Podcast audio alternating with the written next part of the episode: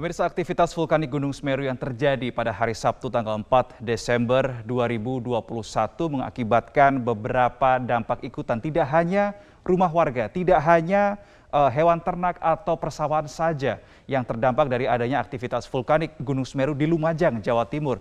Korban jiwa pun ada di sini sebanyak 22 orang kemarin data terakhir yang dikabarkan oleh pihak BNPB dalam konferensi pers. Kita lihat di sini untuk wilayah atau dua kecamatan yang paling terdampak adalah di wilayah Kecamatan Pronojiwo dan Kecamatan Candipuro, pemirsa. Itu adalah kecamatannya. Kemudian kalau kita berbicara di beberapa desa, beberapa desa yang terdampak paling parah di antaranya adalah Desa Supiturang dan Desa Sumberwuluh. Ini berdasarkan statement yang disampaikan oleh Wakil Bupati Lumajang kemarin pada saat konferensi pers dan saat diwawancarai oleh rekan Fatma Ayu di pos pantau Gunung Semeru. Selain itu juga ada beberapa desa yang terdampak selain Desa Supiturang dan Desa Sumberwulu. Di antaranya adalah Desa Oro-Oro Ombo, Desa Sumber Urip, Desa Sumber Mujur, Desa Penanggal, dan Desa Sumberrejo. Untuk Desa Supiturang dan Desa Sumberwulu, karena ini yang paling terdampak, maka dua desa ini ditetapkan atau dikatakan oleh Wakil Bupati Lumajang sebagai kawasan zona merah alias kawasan yang paling rentan bahaya jika terjadi awan panas guguran sewaktu-waktu. Sebetulnya muncul pertanyaan pemirsa, apa yang terjadi dengan Gunung Semeru pada tanggal 4 Desember 2021? Ada yang menyebutkan erupsi, kita lihat definisinya. Apa itu sebetulnya erupsi? Erupsi adalah keluarnya material gunung api dan materialnya bisa berupa gas, bisa berupa awan panas guguran, lava, dan lain-lain. Erupsi ini bisa bentuknya adalah eh, letusan atau bahkan non-letusan. Ini adalah definisi mengenai erupsi. Kita akan menuju ke slide berikutnya. Untuk melihat beberapa hal atau beberapa statement disampaikan oleh Surono, ahli vulkanologi. Ia mengatakan, memang Semeru sering terjadi letusan berupa gas, uap, abu vulkanik. Material itu jatuh di sekitar puncak, maka Semeru makin lama makin besar. Di samping itu mengeluarkan lava, terbentuklah lidah lava dan kubah lava. Ini adalah pernyataan yang disampaikan oleh Surono, ahli vulkanologi. Kita menuju ke slide berikutnya. Masih dari pernyataan yang disampaikan oleh Surono, ia melanjutkan bahwa dalam kondisi keluar lava terus-menerus ditambah curah hujan tinggi di puncak Semeru, maka terjadilah longsor lidah lava dan kubah lava. Longsor itu kemudian menimbulkan awan panas yang geger itu atau uh, yang membuat ramai publik uh, di, memperbincangkan sampai dengan uh, mulai dari hari Sabtu, Minggu sampai dengan hari Senin. Dari statement ini pemirsa, kita berhenti di slide ini dulu. Dari statement ini, maka terjadilah longsor lidah lava dan kubah lava. Inilah yang kemudian menjadi uh, adanya perbedaan penyebutan istilah apa yang terjadi dengan Gunung Semeru di Kabupaten Lumajang, Jawa Timur. Ada yang menyebutkan itu adalah uh, salah satu bentuk erupsi, tapi ada juga yang menyebutkan bahwa ini bukan erupsi.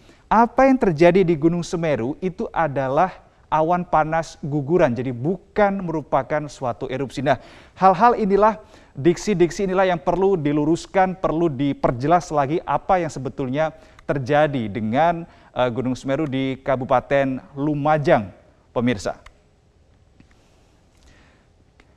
Kita akan menyimak uh, ulasan atau informasi yang telah kami siapkan untuk Anda pemirsa pagi hari ini masih terkait dengan aktivitas vulkanik Gunung Semeru. Ya Allah, ya Allah, Allah.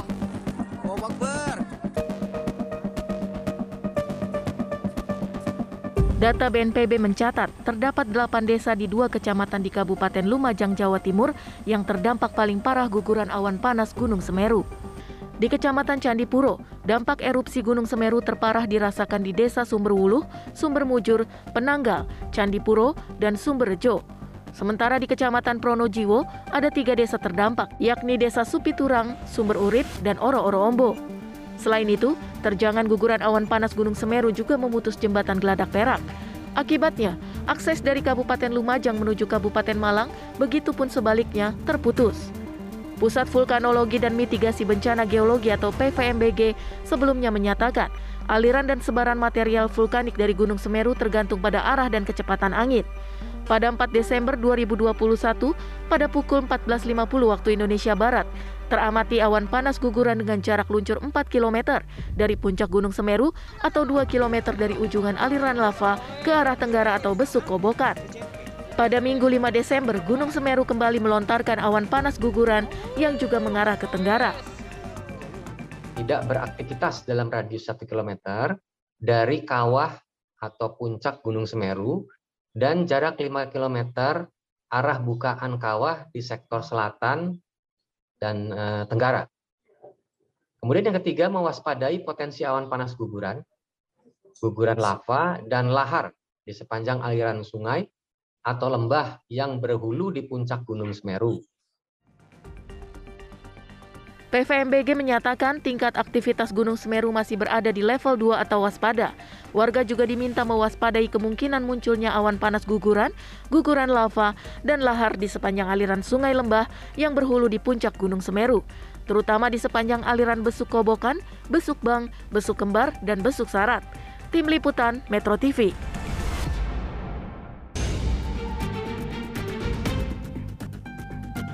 Malam sudah 47 warga yang melaporkan kehilangan keluarganya di area kamar jenazah Rumah Sakit Dr. Haryoto Lumajang. Dengan berbekal foto dan kartu identitas korban hilang, mereka melakukan registrasi di posko ante dan postmortem. Posko ante dan postmortem berada di tiga lokasi, yakni Rumah Sakit Dr. Haryoto, Rumah Sakit Pasirian, dan Puskesmas Penanggal.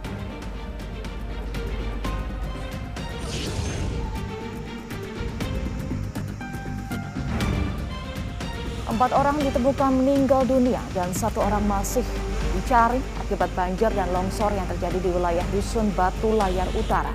Desa Batu Layar Barat, Kecamatan Batu Layar, Kabupaten Lombok Barat, Nusa Tenggara Barat. Keempat korban ditemukan di atas tumpukan kayu di tengah sungai. Saat ini tim gabungan TNI Polri dan Basarnas masih bersiaga di lokasi kejadian terjadinya longsor dan banjir tersebut.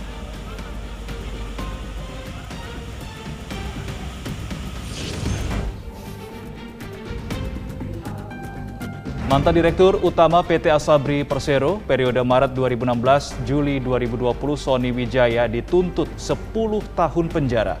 Jaksa juga menuntut terdakwa Sony membayar uang pengganti sebesar 64,5 miliar rupiah, subsidiar 5 tahun kurungan.